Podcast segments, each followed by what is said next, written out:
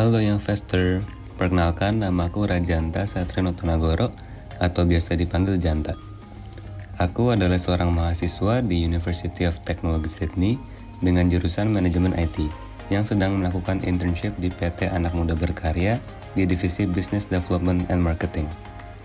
Semoga kalian dalam keadaan yang baik-baik saja ya dengan kondisi pandemi ini.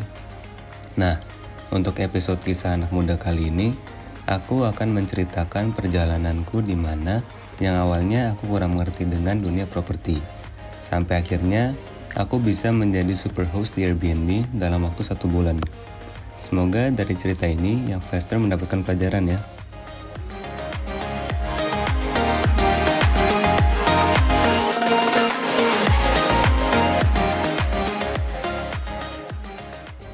Perjalananku di Airbnb dimulai di tahun 2020. Nah, cerita sedikit tentang aku. Aku dari kecil sudah sering belajar untuk mencari cara agar mendapatkan income tambahan. Contoh, ketika aku masih SMP, aku dan teman-temanku sering bermain game di waktu luang. Karena kebetulan, salah satu hobi aku dari kecil adalah main game, aku berinisiatif untuk melakukan jasa di game tersebut, seperti mencari barang yang susah untuk teman-temanku. Nah, balik lagi ke perjalananku menjadi super host di Airbnb. Sebagai mahasiswa, aku dan teman-temanku sering sekali nongkrong. Bahkan, saking seringnya kadang hampir setiap hari setelah ngampus itu kita nongkrong. Lama-kelamaan, aku sadar bahwa pengeluaran dari nongkrong bersama teman-teman itu lumayan banyak. Nah, dari situ aku langsung berinisiatif untuk mencari cara agar mendapatkan uang jajan yang lebih tanpa mempersulit orang tuaku. Suatu hari aku sedang browsing mengenai cara-cara untuk mendapatkan income tambahan dan aku melihat suatu posting di mana seorang laki-laki mendapatkan banyak income melalui menyewakan properti yang dia miliki. Dari situ aku langsung terinspirasi untuk melakukan hal yang sama dengan villa yang dimiliki oleh keluargaku.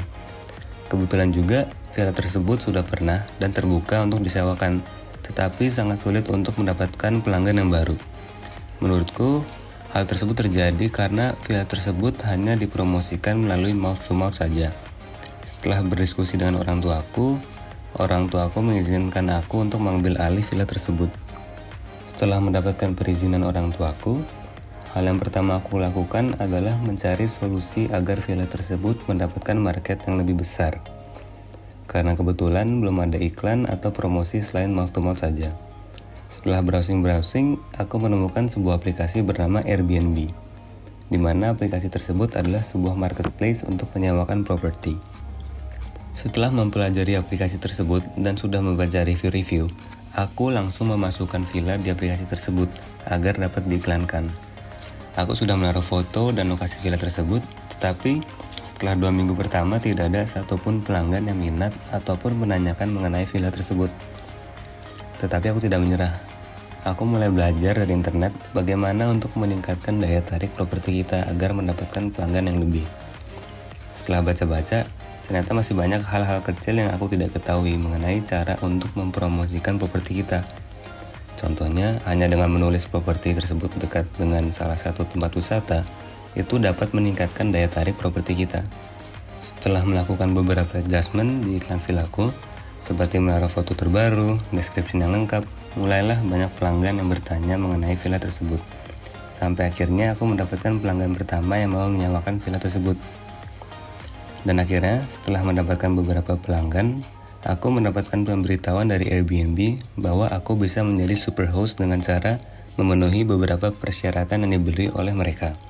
Contoh persyaratannya itu harus mempunyai minimal 10 pelanggan, rating minimal 4,8 dari 5, dan respons terhadap pertanyaan customer sebesar 90%. Setelah aku tahu super host itu apa, Aku semakin semangat untuk menyewakan dan memaksimalkan kinerjaku di Airbnb untuk mendapatkan superhost. Karena dengan menjadi superhost kita mendapatkan benefit yang lebih banyak. Contohnya iklan properti kita bakal ditaruh di halaman paling depan. Dari situ aku langsung kepikiran, wah kalau misalnya propertiku ditaruh di halaman depan lumayan banget ya. Jadi lebih gampang dilihat sama orang. Tapi karena aku sibuk dengan kuliah, menurutku agak susah untuk nge-manage Airbnb tersebut karena setelah dan sebelum setiap penyewaan, aku harus ke villa untuk bersih-bersih dan cek villa tersebut. Sementara aku tidak bisa ke villa di hari kerja, karena jarak tempuh yang lumayan jauh dan ada kampus. Nah, dari situ aku memutuskan untuk kerjasama dengan ibu aku untuk ke-manage Airbnb-nya. Di mana kalau misalnya aku sedang sibuk dan nggak bisa ke villa, ibu aku yang bakal ke sana untuk ngecek villanya. Dan akhirnya, setelah satu bulan mengiklankan villaku di Airbnb, aku berhasil mendapatkan 17 pelanggan yang sudah menyewakan villa dan mendapatkan rating 4,8 dari 5. Karena hal tersebut, Airbnb akhirnya menghadiahkan aku sebagai superhost di aplikasi tersebut. Nah, dari pengalamanku, menurutku ada pelajaran utamanya, yaitu jika kita ingin mencapai sesuatu, gunakanlah resource kita dengan baik-baik. Nah, resource bisa berbentuk dari hal kecil, contohnya internet. Internet menyediakan segala informasi secara gratis untuk kita pakai, di mana di perjalananku aku menggunakan internet untuk belajar cara meningkatkan daya tarik properti. Jadi, pelajaran utamanya adalah pastikan gunakan resource kita dengan baik-baik untuk mencapai suatu tujuan. Aku rasa sampai sini saja aku cerita pengalamanku. Semoga dari pengalamanku yang faster dapat pelajaran baru. Terima kasih untuk waktunya. Salam I am community, I am smart, I am capable.